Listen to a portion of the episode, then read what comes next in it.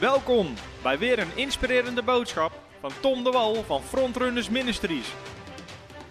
We bidden dat je via deze aflevering geïnspireerd wordt in je leven met God en opgebouwd wordt in je geloof. Matthäus 15 vanaf vers 21. En Jezus ging vandaar weg en vertrok naar het gebied van Tyrus en Sidon. En zie, een Canaanese vrouw die uit dat gebied kwam, riep naar hem, Heere, zoon van David, ontferm me over mij. Mijn dochter is ernstig door een demon bezeten. Maar hij antwoordde haar met geen woord. En zijn discipelen kwamen naar hem toe en vroegen hem, stuur haar weg, want zij roept ons na. Die vrouw die bleef maar roepen. En hij antwoordde en zei, ik ben alleen maar gezonden naar de verloren schapen van het huis van Israël. Dus naar de Joden. En dit was een vrouw, een heidense vrouw, een Canaanese vrouw. Maar zij kwam dichterbij, knielde voor hem neer en zei, Heere, help mij. Hij antwoordde echter en zei, het is niet behoorlijk of het is niet goed om het brood van de kinderen te nemen en aan de honden te geven, aan de hondjes te werpen. En ze zei, ja heren, maar de hondjes eten ook van de kruimels die er vallen van de tafel van hun bezitter. Toen antwoordde de vrouw, toen antwoordde Jezus en zei tegen haar, o vrouw, groot is uw geloof. Het zal gebeuren of het zal geschieden zoals u wilt. En haar dochter was vanaf dat moment gezond. Amen. Tot zover. Nou, we lezen dat deze vrouw die heeft een probleem. En dat is namelijk, haar dochter is ernstig door een demon bezeten. We weten niet precies wat de dochter had. Maar het einde van het vers zegt, haar dochter was vanaf dat moment gezond.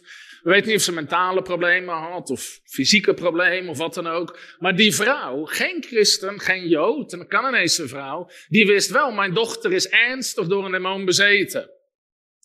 En dat was geen uniek probleem, zowel toen niet als nu niet. Jezus was namelijk net op zoek naar rust. Daarom ging hij naar dat gebied toe om uit te rusten. Omdat Jezus overal waar hij kwam zieken genas en demonen uitdreef. Dat is wat Jezus doet. Daarom is het onzin en is het stom dat er hele bewegingen vandaag de dag zich keren tegen wonderen en tekenen. Is iets wat gaande is. Mensen zeggen we moeten ons niet focussen op de wonderen. We moeten ons niet focussen op genezing of op bevrijding. We moeten ons focussen op Jezus. Je kan niet focussen op Jezus zonder dat je wonderen en tekenen erbij krijgt. Het Nieuwe Testament kent geen andere Jezus dan Jezus de geneesheer, dan Jezus de bevrijder, dan Jezus de wonderenwerker. In die drie jaar dat hij op aarde was, deed hij niks anders dan prediken, zieken genezen, demonen uitdrijven en mensen onderwijzen. Hoe kan je dan zeggen, we moeten focussen op Jezus zonder dat? Dat kan niet. Dat is religie. Religie wil de kracht van de Heilige Geest uit de kerk halen. Maar het zal niet slagen in Jezus' naam. Want de Bijbel zegt dat Jezus Christus is dezelfde. Gisteren, vandaag en tot in eeuwigheid. Dus als je dezelfde Jezus wil dienen, moet je dezelfde dingen doen. Amen. Daarom zegt de Bijbel, wie in hem gelooft zal dezelfde dingen doen als mij en nog grotere. Dat is zieken genezen, demonen uitdrijven en het goede nieuws prediken. Amen. Daarom heb ik een hekel aan religie. Die willen alles in het verstand en allemaal dat soort dingen eruit. Maar dat is niet hoe het werkt. We zitten niet in religie, we zitten in het koninkrijk van God. Amen. En net zoals deze vrouw een probleem had met haar dochter, hebben veel mensen vandaag de dag een probleem. Met demonie of met hun gezondheid. En Jezus Christus is nog steeds het antwoord. De wereld denkt dat ze allerlei antwoorden hebben met psychologen, psychiaters, artsen. En er kunnen, bepaalde wijsheden in zitten, kunnen ook bepaalde mensen helpen. Maar je ziet constant ook dat artsen niet iedereen kunnen genezen. En dat psychiaters en psychologen niet iedereen kunnen helpen. Maar koning Jezus, halleluja, is het antwoord op alles. Amen. Er was niemand die Jezus niet kon helpen. Er was niemand die Jezus toch maar naar de lokale apotheek stuurde. Of naar de lokale psychiater, of naar de lokale psycholoog. Nou, er kunnen dingen in onze ziel zitten waar we mee moeten dealen. Maar heel veel mensen hebben ook bevrijding nodig. Net zoals dat deze dochter van deze vrouw dat nodig had en we het vandaag de dag zien. Mensen worden op allerlei gebieden lastiggevallen in hun leven. En ik wil een aantal van die gebieden opnoemen. En als jij een van die gebieden herkent, wil ik je vragen om het gewoon even op te schrijven, een aantekening van te maken. Want wat is belangrijk? Dat jij je geloof ergens aan gaat hechten, deze dienst. Sommige mensen zeggen, we gaan naar de bevrijdingsdienst en we kijken wel wat er gebeurt. Nee, Jezus zegt nergens kijken wat er gebeurt. Dan zeg je, moet gaan geloven dat het gebeurt. Amen. Dus ook deze vrouw, die zei nou, ik ga naar Jezus, ik zie wel wat er gebeurt.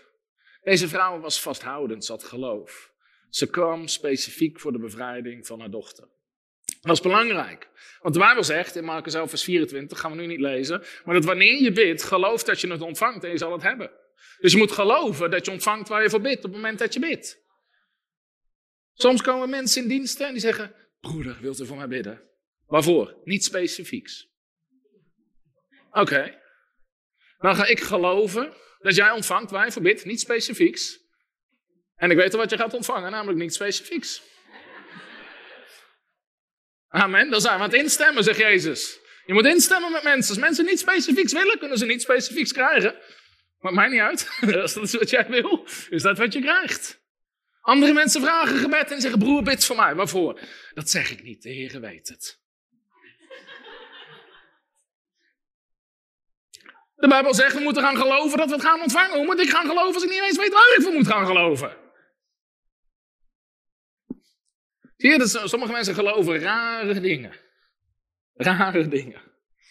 Maar het is belangrijk dat we ons geloof gaan hechten. Nou, wat zijn problemen waar mensen mee te maken hebben? Mensen kunnen te maken met emotionele problemen in hun leven. Denk aan haat, wrok wat ze koesteren. Soms problemen, dingen die in hun leven zijn ontstaan, kunnen ook trauma's of wat dan ook zijn, waardoor ze emotionele problemen hebben opgelopen. Boosheid, angst, afwijzing, dat soort dingen. Sommige mensen zitten altijd in zelfmedelijden, of jaloezie. Depressie, bezorgdheid. Allemaal dat soort dingen. We hebben het getuigenis van Otto hebben we online staan. Otto kwam naar een bevrijdingsdienst. En Otto die had 14 jaar lang PTSS. Hij was als militair uitgezonden naar het buitenland, was teruggekomen en zijn hele leven was getraumatiseerd.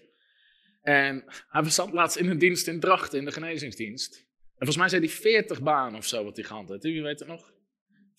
In die 14 jaar had hij 40 verschillende banen gehad. Overal werd hij constant ontslagen vanwege zijn emotionele problemen. Hij kon niet omgaan met allerlei dingen, angsten, woede, allemaal dat soort dingen. Waardoor hij 40 banen had in 14 jaar tijd. Als Otto zijn cv uitprintte, belde het Wereld Natuurfonds of hij wat rustiger aan wilde doen. Er was weer een stuk Amazone gekapt. En artsen, psychologen, psychiaters. Hij liep bij het traumacentrum in Bijlen. Niemand kon hem helpen. Gewoon voor de rest van zijn leven gediagnosticeerd met PTSS. En hij kwam naar een bevrijdingsdienst. En wat artsen en psychologen en psychiaters in 14 jaar niet konden doen. De koning Jezus. In een paar minuten. En hij werd volledig vrijgezet van zijn PTSS. Zijn huwelijk, zijn relatie met zijn kinderen, alles werd hersteld. En groot getuigenis ook, wat veel mensen bereikt heeft. Maar al die emotionele problemen hadden ook een wortel in een stuk demonie. Er waren demonische geesten binnengekomen. En had bevrijding nodig. Sommige mensen hebben emotionele problemen. Wat eraan verwant zit zijn geestelijke of mentale problemen. Geestelijke of mentale problemen. Sommige mensen zijn altijd verward. Net zoals dingen die ik noemde. Depressie. Maar denk ook aan zelfmoord, borderline, schizofrenie. Angst, PTSS, dwangmatigheden. Hoeveel mensen niet al vrij zijn van allerlei dwangmatigheden. Soms zelfs extreme vermoeidheid. Ik sprak in Tilburg in een dienst en er kwam een vrouw en die moest iets van 150 keer per dag de handen wassen. Dwangmatigheden, dwangmatige stoornis. En ze kwam na de dienst, was niet eens een bevrijdingsdienst, ik had gewoon, ik had ergens anders over gesproken, ik weet niet eens meer waarvoor. En ze vroeg, je voor me bidden? Ik heb dwangmatigheden. En het eerste wat ik zei, ik zeg, joh, je moet weten, dit is een demon. Soms moeten mensen moeten eerst de waarheid kennen. Want anders denken ze dat ze het zelf zijn. Maar je bent het zelf niet, het is een geest die je lastig valt. Dus ik zei, dat is een demon. Was ze zich totaal niet van bewust. Ik zei, we gaan die demon wegsturen in de naam van Heer Jezus en dan zal je vrij zijn. Het was een heel simpel gebed. Ik pakte de handen beet, we baden. Ik sprak die demon aan, die geest van dwang, ga eruit in Jezus' naam. Waren geen manifestaties, ze viel niet op de grond, begon niet te gillen. Maar op dat moment was ze totaal vrij. Was totaal vrij. Geen dwangmatige handelingen meer gehad. En ook aan hebben veel mensen bereikt. Andere mensen hebben spraakproblemen. Sommige mensen, of ze nou willen of niet, voordat ze door hebben, beginnen ze te liegen of te vloeken of met roddel, of zelfs met stotteren. hebben het getuigenis van Nathalie ook online staan. Die jarenlang stotterde eigenlijk vanaf al de jeugd. En met allerlei spraaktechnieken. En ze kwam er maar niet vanaf ze kwam er maar niet vanaf. En uiteindelijk in de bevrijdingsdienst werd ze totaal bevrijd van de stotteren. Halleluja. Was ook iets wat veroorzaakt werd door demonen. Seksuele problemen.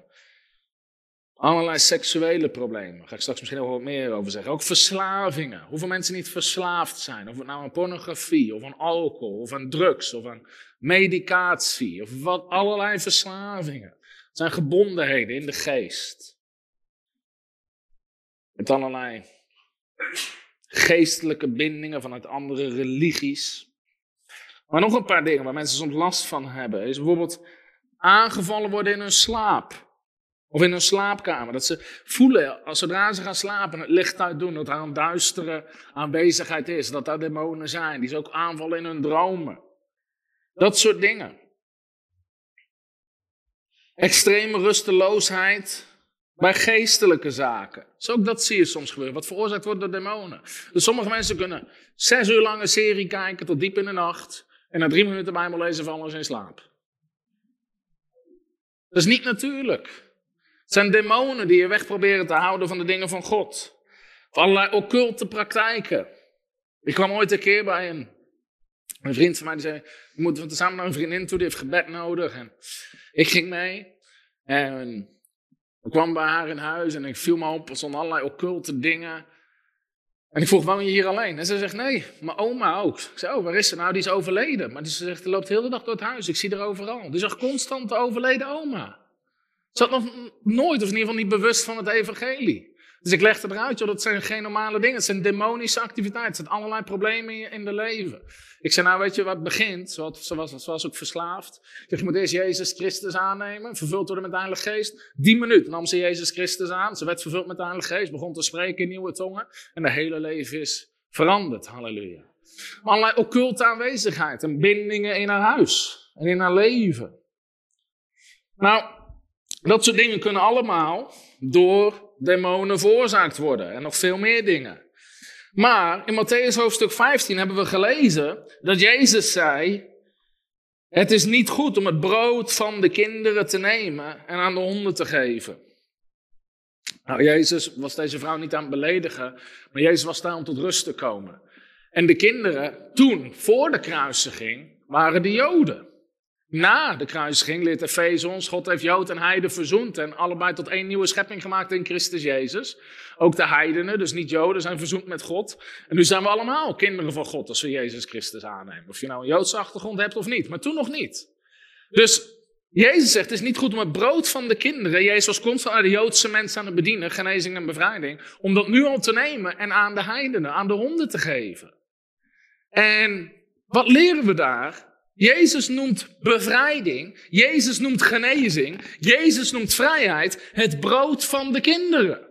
In andere woorden, de basismaaltijd. Kinderen van God horen vrij te zijn. Zeg dat eens na. Kinderen van God horen vrij te zijn.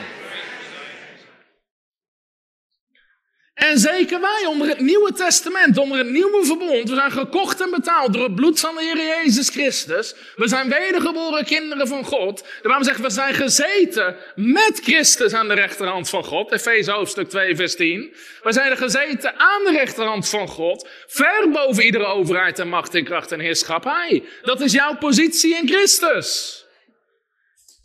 Kinderen van God horen vrij te zijn. Sterker nog, Romeinen 8 zegt dat heel de schepping wil komen tot dezelfde vrijheid die de kinderen van God hebben. Als de schepping, als de wereld kijkt naar kinderen van God, horen ze een vrijheid in jou te zien die ze niet zien op andere plekken. Ze horen te zien dat je vrij bent van allerlei emotionele, mentale en geestelijke problemen. Dat je erboven staat. En dat kan omdat je een kind van God bent. In Lucas 10, vers 19, die mag je even opzoeken.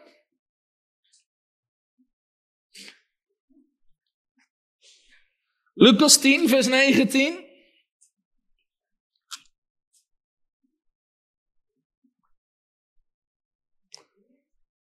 Laten we eerst even lezen vanaf vers 17. Daar staat dit, de 70, waren toen 70 discipelen, ook de 12, maar vandaag de dag, we zijn allemaal discipelen van de Heer Jezus Christus, als wij hem hebben aangenomen, kwamen terug met blijdschap en zeiden, Heere, zelfs de demonen zijn in uw naam aan ons onderworpen. Demonen zijn in de naam van Christus aan jou onderworpen. Zeg eens, demonen zijn in de naam van Christus aan mij onderworpen. Jij bent sterker dan demonen. Jij bent sterker dan de duivel. De Bijbel zegt, hij die in u is, die is meer dan hij die in de wereld is. Amen. Veel christenen hebben te veel respect voor demonen en de duivel. Ik heb een rothekel aan demonen en de duivel. Ik heb er totaal geen respect voor. Lelijke kreng. Je moet weten dat ze onder je voeten zijn. In de naam van Christus zijn aan je onderworpen. Als zij onderworpen zijn, hoef je er ook geen last van te hebben in je leven. Amen. Als je weet wat je autoriteit is. En Jezus zei tegen hem, vers 18, ik zag de Satan als bliksem uit de hemel vallen. Halleluja. Jezus heeft de Satan overwonnen. Amen. Jezus zei Matthäus 28, mij is gegeven alle macht in hemel en op aarde. Dus Satan heeft geen macht over jouw leven. Zeg eens, Satan heeft geen macht over mijn leven. Jezus zei in Colossense 1 vers 13, hij zegt, u bent getrokken uit de heerschappij van de duisternis en overgezet in het koninkrijk van God. Je bent bevrijd van zijn heerschappij. Hij heeft geen macht meer over je leven. Hij is gevallen uit de hemel. Dat betekent, hij is nog lelijk ook. Hij heeft een flinke smak gemaakt. Hij ziet er niet uit. Hij heeft geen macht meer. Hij is ook nog eens een keer arm. Weet je dat de duivel is arm? In het boek Job vraagt God aan de duivel, waar ben je geweest? Ik ben aan het rondwandelen over de aarde. Hij heeft niet eens een fiets. Als jij een fiets hebt, heb je meer dan de duivel. Amen. En vers 19, zie ik geef u de macht om op slangen en schorpioenen te trappen en de macht over alle kracht van de vijand en niets zal u schade toebrengen.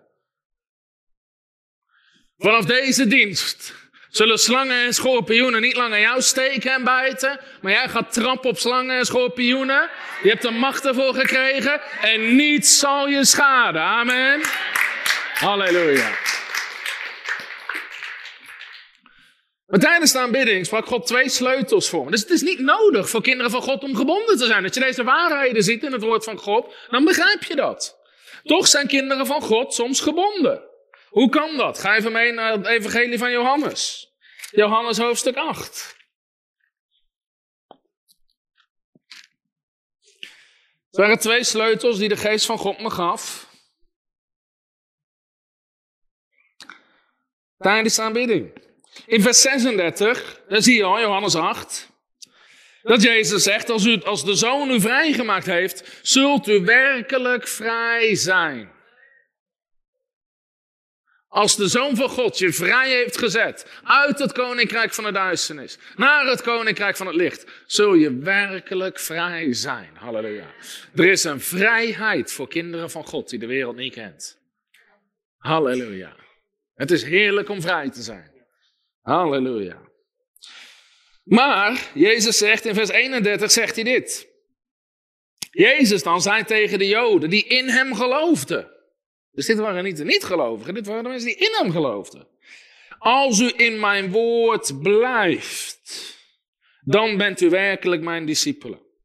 En u zult de waarheid kennen en de waarheid zal u vrijmaken. U zult de waarheid kennen en de waarheid zal u vrijmaken.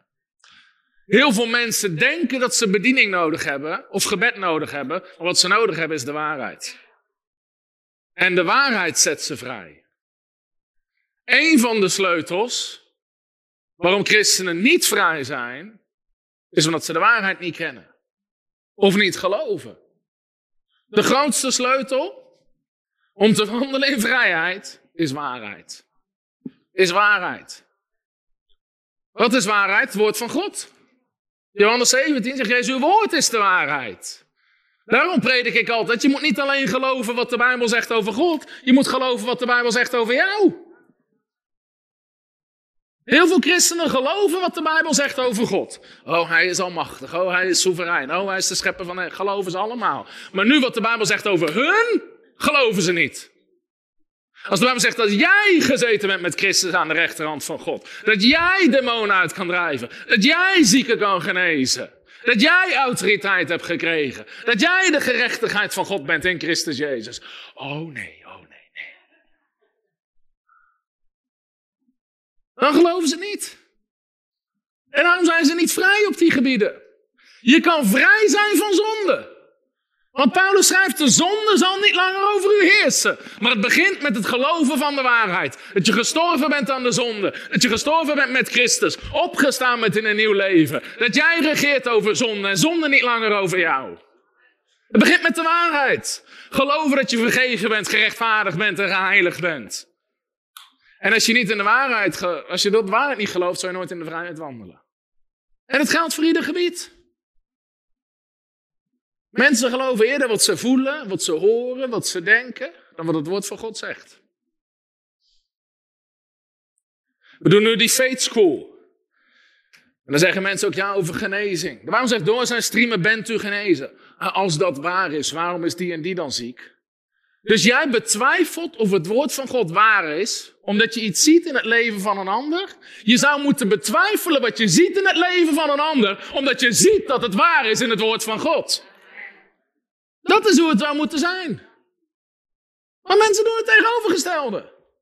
De grootste sleutel is waarheid. Dus wat jouw probleem, wat jouw uitdaging ook is, begin te onderzoeken wat de waarheid van het woord van God daarover zegt. Als je struggelt met depressie, begin te zeggen wat het woord van, begin te kijken wat het woord van God zegt. Je hoeft niet depressief te zijn. Je hoeft niet neergedrukt te zijn, je bent opgewekt met Christus. Amen. Dat is een goede proclamatie. Ik ben opgewekt. Halleluja. Dat is een goede plek om te zijn. Amen. Opgewekt met Christus. Vraag eens, hoe gaat het? Opgewekt. Halleluja. Dan begin je de waarheid te zeggen. Ik ben opgewekt. Oh ja, ja, met Christus. Halleluja. Begin de waarheid van het woord van God over jouw situatie. Emotioneel. Je hebt de vrucht van de geest ontvangen. Geloof, liefde, blijdschap. Dat is toch niet de vrucht van je hoofd? Dat is niet op de vrucht van je gevoel. Maar zo de vrucht van de geest. Heeft God in je geplaatst. En nu ga je wandelen naar de geest en niet langer naar het vlees. Begint met de waarheid. Dus als christenen niet vrij zijn, heeft het vaak te maken met een stuk waarheid wat ze of niet kennen of niet geloven. Daarom zegt de Bijbel door, mijn, mijn volk gaat te gronden door gebrek aan kennis. Ze weten het niet of ze geloven het niet. Dus het is tijd om het woord van God te kennen en te geloven. Amen. Mijn Bijbel begint te verslijten. Maar ik heb een nieuwe, halleluja. Moeten we alleen nog gaan gebruiken. Moet ik eerst alles over gaan schrijven. Alle kleurtjes, alle aantekeningen. Maar dat is niet erg, want leer je de waarheid beter kennen. Amen. halleluja. Dus een van de sleutels waarom christenen niet vrij zijn, is waarheid. Of waarom ze wel vrij zijn, is waarheid. Je zal de waarheid kennen. En de andere die de geest van God in mijn geest bracht, is gehoorzaamheid. Is gehoorzaamheid. Waarheid en gehoorzaamheid zijn de grootste sleutels om te wandelen in vrijheid. Waarheid en gehoorzaamheid. Als je niet gehoorzaamt, maakt het niet uit wat je weet. Amen. Dus je moet niet alleen het woord van God lezen, geloven, je moet gehoorzamen. Gehoorzamen. En je ziet het constant, het woord van God. We zouden Deuteronomium 28 kunnen lezen. Als u de stem van de Heer uw God nauwgezet gehoorzaamt, zullen al deze zegeningen. Als je wandelt op de weg van God, volgen goedheid, gunst en zegeningen. Dat betekent niet dat je geen problemen kan hebben. De Bijbel zegt zelfs talrijk zijn de uitdagingen van de rechtvaardigen. Maar de Heere verlost hen van dat alles. Maar de sleutel zit in gehoorzaamheid. Een tijd terug was er iemand in de bevrijdingsdienst. En die kwam niet vrij. Maar de sleutel was heel duidelijk. Ze moest iemand vergeven die haar iets verschrikkelijks had aangedaan. En ze bleef maar zeggen, ik kan het niet. Ik kan het niet. Ik kan het niet. Ik kan het niet. En ze ging gebonden naar huis. Ze ging gebonden naar huis. Je kan niks doen voor mensen die niet willen gehoorzamen. Sterker nog, deze persoon had nooit gebonden hoeven te zijn als ze vanaf het begin af aan in de waarheid en gehoorzaamheid had gewandeld. Als ze wist, ik ben geroepen om anderen te vergeven zoals God mij vergeven heeft. En ik ga gehoorzamen, ongeacht mijn gevoel, mijn emoties, mijn wil. Daarom is het een geloofstaat. Het is een geloofstaat. Als mensen zouden wandelen in de liefde van God, anderen liefhebben, anderen vergeven. Heel veel mensen zouden nooit in gebondenheden terechtkomen. Soms help je christenen weer overeind. Ik zat laatst, niet iedereen kon erom lachen, maar ik vond het een leuk filmpje. Ik zag laatst zo'n filmpje, misschien hebben sommige mensen gezien, van zo'n schaap wat uit zo'n greppel werd getrokken door iemand. En uit de sloot. En die rende zo heel blij de wei in met een hoep, met met, een cirkel zo terug dezelfde sloot in. En toen had ik erbij gezet, sommige christenen naar pastoraat. je trekt ze uit de greppel, ze beginnen te rennen, hup, ze rennen weer dezelfde sloot in. Ze doen weer precies hetzelfde tijd terug was er eigenlijk een aantal bevrijdingsdiensten die we ergens anders deden. Er kwam een jonge dame die vroeg voor bevrijding. En ik ervoer in mijn geest om te zeggen, die tekst uit Johannes die we voorlazen. Iedere dag dat je wakker wordt, begin door te zeggen, ik ben vrijgezet door de zoon en ik ben waarlijk vrij. En een bevrijdingsdienst later kwam ze weer. En zei ze, ik ben niet vrij. Ik onthoud niet, ik zie zoveel mensen en namen, dus ik onthoud nog niet iedereen, maar ik onthield er. Ik zeg, hé, hey, jij was toen daar. Toen heb ik deze opdracht gegeven. Heb je dat gedaan? Nee, zegt ze. Oké, ga ik ook niet voor je bidden. Waarom zou ik voor je bidden als je niet gehoorzaamt? Als je niet wil doen? We zijn op zoek naar een quick fix. Ik zeg, je moet het gaan doen. Toen zei ze, oké, ik ga het doen. Ik zei, oké, dan ga ik voor je bidden. Ik bad voor haar. Ik zeg, van nu, iedere dag. En ze deed het. En de eerste volgende keer dat ik haar zag, was ze volledig vrij. Was ze volledig vrij. Maar ik wist, zij heeft niet alleen gebed nodig, ze heeft waarheid nodig, God zegt. Het is niet eenvoudig, je doet wat God zegt. Je doet wat hij zegt in zijn woord, je doet wat hij zegt door zijn geest. God heeft altijd het beste met je voor. Amen. God is een beloner, geen berover. De duivel is een dief, de duivel wil nemen. God niet, God wil je zegenen, maar hij vraagt wel gehoorzaamheid. Sommige christenen leven financieel onder een vloek, omdat ze hun tiende niet willen geven. Ze weten dat het woord van God zegt. Ze geloven dat het woord van God zegt, maar ze doen het niet. Ze doen het niet. Laatst had er iemand een video tegen mij gemaakt. Dan zijn we dat wel gewend. Sommige mensen is dat hun enige hobby. Video's te maken tegen mij. En die jongen zei: Tom de Wal zegt dat als je je tiende niet geeft, dat je onder een vloek leeft. Nee, nee, het was Malachi. Als je iemand de schuld gaat geven in de hemel, niet naar mijn huis. Zes straten verderop, onder de M, Malachi. Niet bij Wal, bij Mal. Ze zit met de verkeerde achternaam. Nee, God zegt. Amen. God zegt. Je begint gewoon te doen. Denk je echt dat God erop uit is zeggen, hey, nou heb je maar 90%, kan je minder doen. Nee, God zegt als je je tiende geeft, zal ik de kaalvreten bestraffen. Ik zal zegen uitgieten. God is er niet op uit zodat je minder hebt. God is erop uit dat je meer hebt. Alleen de sleutel zit gehoorzamen. Is het Daniel, en daar, we hebben laatst een getuigenis opgenomen. De eerste keer dat Daniel dit onderwijs hoorde, zaten ze diep in de schulden. En ongeacht wat hun situatie was, begonnen ze gewoon te gehoorzamen. Met tienden, met offers, met al die dingen meer. En God heeft ze totaal uit de schulden gehaald. Halleluja. De sleutel was niet gebed, dat was gebed voor me. Nee, nee, nee. Gehoorzaam. De sleutel is gehoorzaamheid. Waarheid en gehoorzaamheid. Zoek op wat het woord van God zegt. Doe het. En je zal altijd vrij zijn. Je zal altijd vrij zijn. Dat is de grootste sleutels. Dus daarom wil ik je die ook meegeven. Niet alleen voor deze dienst, want veel mensen gaan vrijgezet worden deze dienst. Maar je wil vrij blijven. Amen. Je wil niet dat schaap zijn wat terugrent in diezelfde sloot. We zijn schapen van de Heer, maar niet schapen die ook keer in dezelfde sloot zitten. Amen. En soms hebben we iemand anders nodig. Ik ben opgegroeid op het platteland en als dan een schaap omrolt, die komt zelf niet overeind. Sommige schapen van de Heer ook komen zelf niet overeind. Maar dan helpen we je overeind. We prediken het woord van God, we bidden voor je, we bevrijden je, de kracht van God komt over je. Dan zetten we je overeind. Maar dan moet je niet weer een koprol maken, amen. Niet iedereen kan erom lachen, maar ik heb een goede dienst. is ook belangrijk. Ik doe er 250 op een jaar, dus je kan beter maar goede dienst hebben. Amen.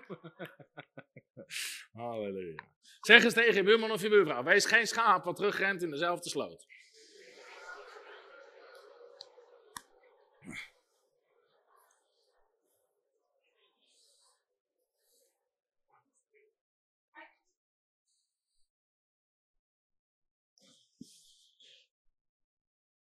Nou, ook in het leven van deze vrouw. Waarom negeerde Jezus de eerst? Hè? Jezus sprak met haar met geen woord, Jezus liep gewoon door. En toch kwam Jezus in actie.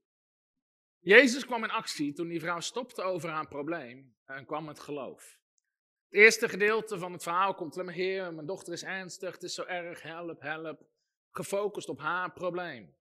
Focust op haar probleem. Daarom geloof ik ook, de geest van God leidt iedere dienst. Waarom begonnen we mee na de aanbidding? Stop met je probleem. Begin gewoon God groot te maken.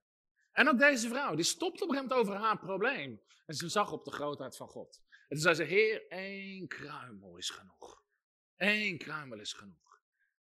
En ze sprak niet meer over de probleem. Maar ze had haar ogen gericht op de kracht van de Heer. En toen zei Jezus, vrouw, groot is uw geloof. Jezus zei nooit tegen iemand, vrouw, groot is uw probleem.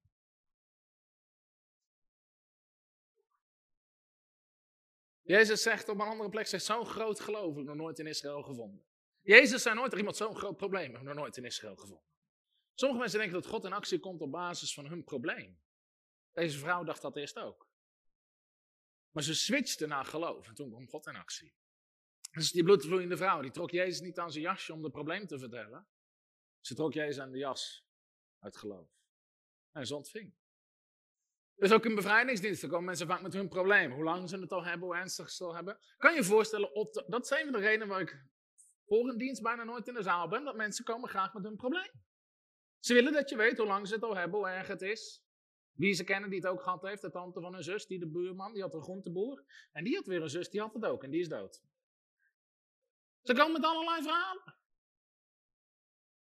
Kan je je voorstellen als Otto van tevoren was gekomen? Uh, Tom, ik heb PTSS, ben uitgezonden geweest naar het buitenland, 14 jaar lang, nu mijn gezin is in hel, mijn kinderen dit, ik heb 40 banen gehad. Er is helemaal geen geloof te bekennen. Ze willen gewoon hun probleem presenteren. Ze denken, oh, mijn probleem is zo groot, nu moet God in actie komen. Maar God komt niet in actie op basis van problemen. God komt in actie op basis van geloof. En daarom wil ik je uitnodigen, zo meteen om met geloof gaan we bidden. Met geloof gaan we je vrijzetten. Net zoals deze vrouw. Waar hecht je je geloof in? het woord van God? Je zal voor totaal vrij zijn. We gaan op slangen en schorpioenen treden. Niets zal je schaden. Dus kom met geloof. In Matthäus 8, gaan we nu niet lezen, maar er staat Jezus dreef demonen uit. En hij genas zieken met een enkel woord. Jezus sprak een woord. En demonen gingen eruit en ziektes gingen weg.